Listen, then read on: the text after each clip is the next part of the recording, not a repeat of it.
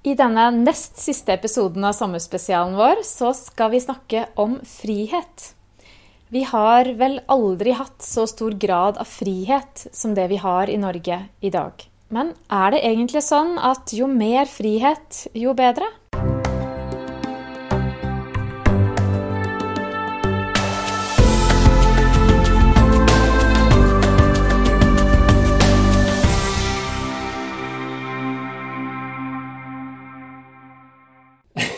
det er mye negativt fra min side. Slutt med alt du tenker. ja. Du tar feil. Um, nei, lær noe nytt.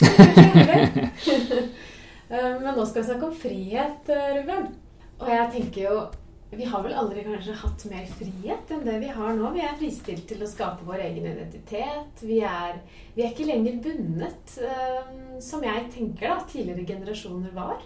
Vi har utrolig mye frihet. Masse frihet, og vi feirer friheten. Og vi tenker jo mer frihet, jo bedre. Og jo flere valgmuligheter, jo bedre. Og hvis du kan endre så mye som mulig etter hvert og underveis, så unngår du å bli på sett fast i et eller annet valg som var feil. Og det må jo være veldig bra, for da kan du velge akkurat det som passer for deg og din personlighet. Og det høres kjempelogisk ut. Det gjør det, men jeg har følelsen av at vi skal snakke om bakteppet ved det. Og så er det ikke sikkert at det er så smart likevel. Det er ikke sikkert at det er akkurat sånn det funker. Og så er det også en sånn typisk ting som er viktig å bare være bevisst på. For selvfølgelig skal man ha frihet. Og når man intervjuer både unge, voksne og elever og folk i arbeidslivet, så en av de tingene som, som er på, på, toppen av de tingene som gjør at man føler at man trives og lykkes og har det bra, er at man har kontroll over egen, eh, egen eh, hverdag. og man opplever den, der, den kontrollen og den mestringa og det å få anerkjennelse for det man gjør osv. Så, videre. så en viss frihet er kjempebra. Og så er det ikke sikkert at mer frihet nødvendigvis er bedre. Og så er det ikke sikkert at vi gjør ungene våre en tjeneste ved å la dem få lov til å velge å ta stilling til absolutt alt. For det viser nok ikke er så lurt. I veldig korte trekk innledningsvis, så, så, er det litt sånn at hvis man får for mange valgmuligheter Altså hvis man får altfor mange valgmuligheter, da blir man helt apatisk og velger ikke i det hele tatt. Hvis man får litt for mange valgmuligheter, så viser det seg at man blir mindre fornøyd, egentlig uansett hva man velger. Eh, en tidlig studie på det her var at man, eh, man sendte folk inn i en butikk for å kjøpe ketsjup. Hvis man da hadde tre ulike typer ketsjup på hylla, og folk kjøpte én av dem, så ble de sånn passe fornøyd. Hvis man da hadde ti ulike flasker på den hylla, og folk kjøpte den samme ketsjupen, altså den ser like ut, den smaker like, den koster like mye, så ble de da plutselig mindre fornøyd med akkurat samme produktet. Og da får man ut at det var jo fordi at man da begynner å lure på om det var riktig. Kan det være sånn at den billige er like god? Kan det være sånn at den dyre er sunnere, derfor er den bedre for meg? Kan det være sånn at den uten sukker også funker helt fint, osv., osv.? Og, og i stedet for å da fokusere på å bli fornøyd med det man har, så er man usikker på om noe annet er bedre. Man tok det her et steg videre, eh, og man arrangerte et, eh, et eksperiment på Harvard i, i USA. Man satte opp et fotokurs et uh, svart-hvitt fotokurs. Man uh, inviterte folk inn, og de lærte å bruke mørkerom, og de tok bilder og sånn. Sprang rundt, og de jobba med to bilder hver. Og de uh, fremkalte og de ordna styret og fikk to svære, flotte print av, av, to bilder. Og så fikk de beskjed om at ja, nå må du velge hvilket av de bildene som du vil beholde, og så hvilket du vil sende vekk. Og det var to ulike kontroller i, den, i det eksperimentet. Den ene gruppa fikk beskjed om at du skal få lov til å velge et bilde nå. Og det andre bildet det må vi sende inn til en sånn sentral eh, utstilling som et slags bevis på kurset. Og eh, ja, derfor så, så, så, ser du ikke det igjen. Men vi skal ikke sende det inn før om ei uke. Sånn hvis du har lyst til å ombestemme så går det helt fint. Og hvis du vil ombestemme, faktisk, hvis du vil ombestemme, så bare send meg en melding. Så kommer jeg på døra med det andre bildet, så kan vi få lov til å se på det der og da. Og så kan du ombestemme det hvis du vil i løpet av ei uke. Den andre gjengen fikk beskjed om at uh, du kan bare beholde ett bilde, og det andre sender vi av gårde inn til denne utstillinga. Og vet du hva, egentlig så går posten nå om, eh, om, fem minutter, så hvis du bare kan ta og bestemme det nå med en gang, så ser du alle de andre bildene igjen. Og så fulgte man det opp disse eh, studentene etterpå. Og det viste seg jo det at de folkene som hadde fått et ultimatum, som hadde tatt en avgjørelse og ikke fikk muligheten til å ombestemme seg, de var jo kjempefornøyd med det bildet de hadde valgt. De hadde hengt opp, de hadde sendt bilder av det med hjem, de hadde lagt det ut på Facebook, og de var stolt av det bildet de hadde tatt. De som hadde muligheten til å ombestemme seg, hadde for det første ikke ombestemt seg. Og for det andre så hadde de heller ikke hengt opp. De var heller ikke sikre på om det var det beste bildet. De opplevde ikke at det var noe spesielt med det. Og de lurte nok litt på om det andre var bedre, men de gjorde ikke noe med det. Og også etter at tida for å ombestemme seg gikk ut, så, så ja, opplevde de ikke den samme lykken og mestringa som det de andre gjorde. Det som er enda verre, er jo at da de valgte å gjenta det her eksperimentet, så lot de ungdommene få lov til å velge sjøl hva slags kategori de vil være i. De sa at nå skal vi ha kurs, du skal lage to bilder, du skal få til å beholde et. Og enten så får du beskjed om at du kan beholde et og så ombestemme det, eller så skal du få lov til å beholde et og ikke ombestemme det. Hvilken gruppe vil du være i?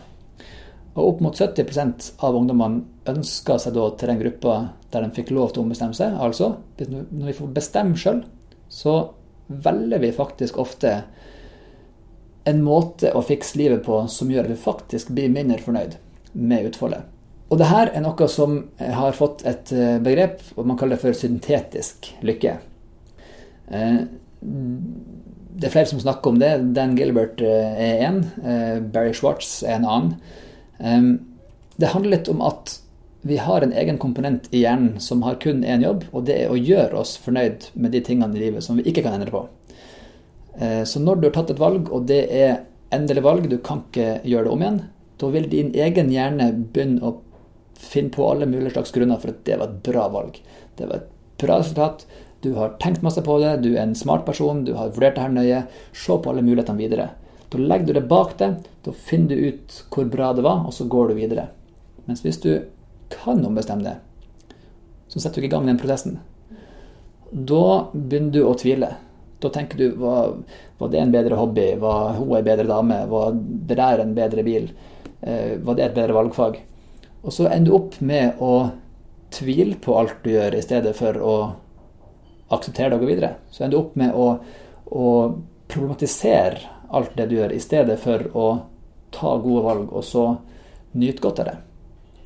Og jeg tenker, hvis du, hvis du, ser på den friheten som ungdommer har i dag altså i Før i tida, som du sier, sant? så man arva bedriften til far sin, man gikk inn i samme man, man, bodde i en by, det var der man bodde hele livet. Du hadde det antall partnere, du hadde det antall jobber. Du, hadde, du, du ble født inn i et sjikte, og der var du. Det er noen ulemper med det, men det er noen veldige fordeler med det. Det er kjempegreit å forholde seg til. Lettvint og fint. Du er den du er. Sånn, ferdig. Det å få servert alle mulige muligheter i dag, det å si at du kan ha den legninga du vil, du kan ha det kjønnet du vil, du kan bli akkurat det du vil. Du kan jobbe med akkurat hva du vil. Du kan tjene penger på akkurat hva du vil. Du kan bo hvor du vil i hele verden. Du kan kombinere din egen utdannelse akkurat som du vil. Det må jo være så ufattelig slitsomt. Og for en ungdom som, som altså er herja med hormoner og med, med opplegg, hvordan i verden skal du finne ut hva som da er din egen identitet? Hvis ingenting er, hvis ingenting er på en måte fast. Hvordan skal, du, hvordan skal, du, skape din egen identitet når du ikke vet verken opp eller ned eller hva som er hva engang? Det går jo ikke an. Og, og, og tenk, for en, tenk for en dårlig start å få beskjed om at du skal nå skape din egen identitet, og så ikke vite hva som er en bra identitet for fremtida. Og få ansvaret for at hvis du nå skaper feil identitet, så får ikke du den muligheten som du vil ha til å være lykkelig senere. Det, det, det er et ansvar som er helt forkastelig egentlig å, å, legge på ungdommene. Så jeg tenker at for å ikke bli for, um, for, ikke bli for negativ og for streng, så tror jeg vi kan gjøre livet for oss sjøl og for våre ungdommer utrolig mye enklere ved å rett og slett ha færre valgmuligheter. Ha færre ting. Eh, kok det ned til at vi skal på ferie. Vi kan dra dit eller dit. Hva vel vi? Sånn, da var det gjort. Der er billetten bestilt. Ferdig arbeid. Vi kan eh, gjøre det eller det og så gjør vi det bare. Og så, så ombestemmer vi oss ikke. Og så tenker vi ikke så mye mer på det. For om det var et dårlig valg, så er det mye bedre å gå videre og gjøre noe annet neste gang enn å skulle ombestemme seg helt. Og så tenker jeg at det å, å hjelpe dem frem til de tingene som er, som er fast, Det å hjelpe dem å se de tingene som Vet du hva, vi sier at vi gjør det sånn, og så, så bare er det sånn det er. Ja, for vi voksne er jo forbilder, tenker jeg, for barna våre. Og det å stå litt stødig som, eh, som foreldre, det vil jo hjelpe, hjelpe barna og ungdommene våre til å, ja, til å bli tryggere, de også. For det, det er jo mye utrygghet, tenker jeg, som ligger i alle valgmulighetene. Mm. Ja, og, og ja, frykten for å velge feil, og, og frykten for å bli og sitte fast i et feilvalg. Og jeg tenker at det som, det som, ligger til grunn her, er jo at man har en veldig sånn eh, Man har en følelse av at én fremtid vil gi en veldig bra følelse, og en annen fremtid vil da gi en veldig dårlig følelse. Og så er det nok sånn når man ser tilbake igjen på livet, når man forsker på, på folk på lang sikt, at ulike, eh, ulike resultat er ikke så stor forskjell mellom når det gjelder lykkefølelse eller følelse av mening. Um, man har forska på folk som stiller til presidentvalg og så ikke blir presidenter, og så sier de at det var det beste som kunne skje, at jeg ikke ble president, fordi at se på hva som har skjedd etterpå. Eller eh, folk som har um, eh, satsa masse penger, starta et svært firma, måtte gått ut høyt, og så fullstendig mista alt sammen. Og så det, det var det beste som kunne skjedd, for det var skikkelig stress. Jeg ble skikkelig opphengt akkurat der. Det var mye bedre sånn som jeg har det nå. Og så, så er det noe med at, at det, det, føles som om ekte lykke er å få det du vil ha. Eh, og hvis det da ikke skjer, så er det på en måte en slags falsk lykke, eller en falsk eh, trøstepremie hvis du likevel har det greit, selv om det ikke var det du hadde lyst til. Og så må vi ikke undervurdere denne syntetiske lykken som, eh, som rett og slett er resultatet av at nesten uansett hva som skjer, så vil du finne en måte å gjøre dette noe bra på hvis du bare aksepterer det, og så går du videre. Så man forsker på forskjellen mellom lottomillionærer og folk som, eh, som blir lam i beina. Så viste det seg at hvis du, hvis du måler lykkenivået deres måte, dagen etterpå, så er det selvfølgelig så mye mer lykkelig enn en som har blitt lam fra livet ned. Men hvis du måler et år frem i tid, så er forskjellen nesten utligna.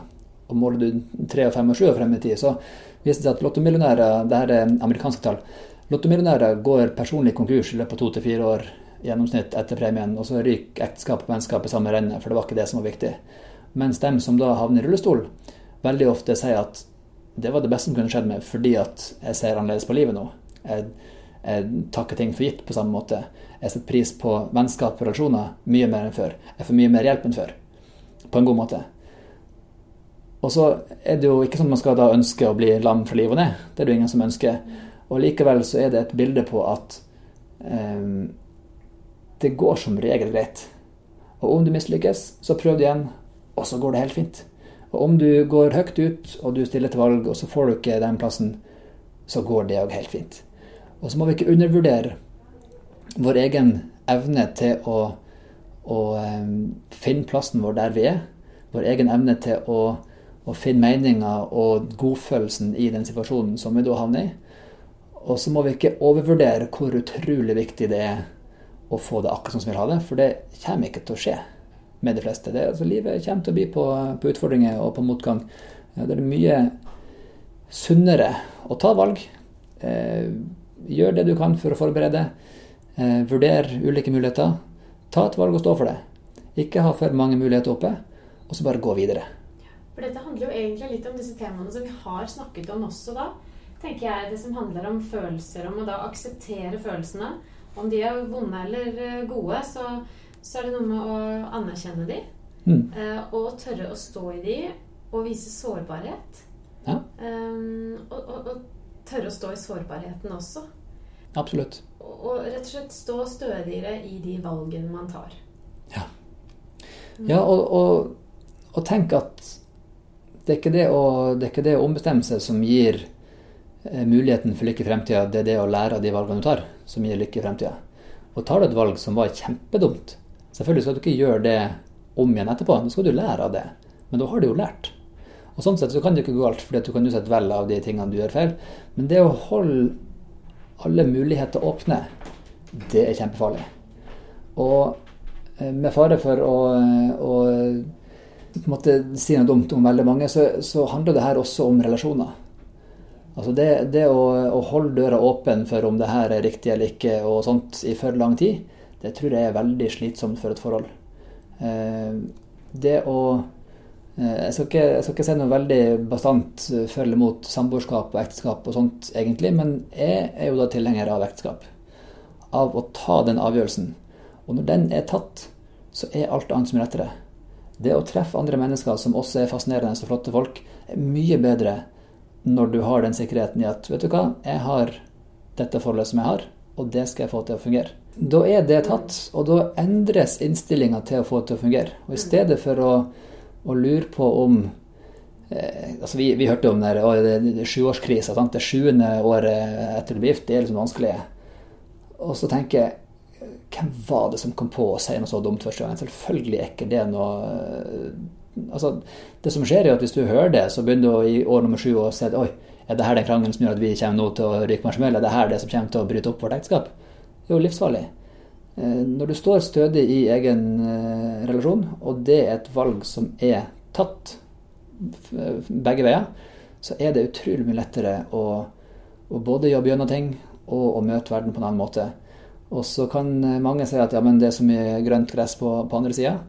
Og så leste jeg i går eh, en klok mann som heter Jarle Valdemar. Han sa at gresset er grønnest der du vanner det. Eh, og så er det noe med å da stå i egen hage og gjøre sine egne valg. Og eh, ja, oppleve friheten i egentlig at valget er tatt. Ja, så er det noe med at Den stødigheten den kan vi gi videre til barna våre gjennom alle de små valgene som de får hele tiden, tenker jeg. Og som vi foreldre også i stor grad iblant er pådrivere Eh, på også. Men at, at, vi viser de stødighet gjennom å kanskje gi de færre valg. Og hjelpe de til å ta valg og stå ved de valgene de har tatt. Jeg tenker det er det, er det viktigste. Det å hjelpe uh, ungene våre til å ta valg og ta avgjørelser, er kjempeviktig. For det å være redd for å ta avgjørelser, det kommer man ingen vei med det fører til, til usikkerhet og til, til, skam og til apati. Det å bli vant til å ta valg og stå for det, det å bli vant til å eh, ja, ikke vingle, men når man først har bestemt seg, så går man videre. Um, og det å gi dem valgmuligheter, men kanskje ikke så mange, er også en god idé. Og så tenker jeg at, at, at hemmeligheten her er jo å rebrande det å ikke angre seg. Altså rebrande det valget som er tatt, som frihet. For det er det som er saken. Hvis du holder valgmuligheten åpen, så er du fanget av alle andre muligheter. Hvis du velger én telefon, og du er åpen for å bytte den ut, ja, så er du fanget av alle andre telefoner på markedet. Men hvis du velger en telefon som den skal jeg ha i tre år, så er det valget tatt. Ferdig. Slipp å tenke på det. Full frihet til å tenke på helt andre ting. Og så er det noe med å oppleve som sagt friheten innenfor de rammene som du da har lagt opp. Og det er lov å lære av feil, og det er lov å, å gjøre ting på nytt igjen. Det er mye bedre som grunnregel at man gjør valg, og så står man for det. Da tror jeg veldig mange ting blir veldig mye lettere, og du får mye tid og krefter til å tenke på ting som er enda viktigere enn alle de valgene som du ikke kan ta likevel.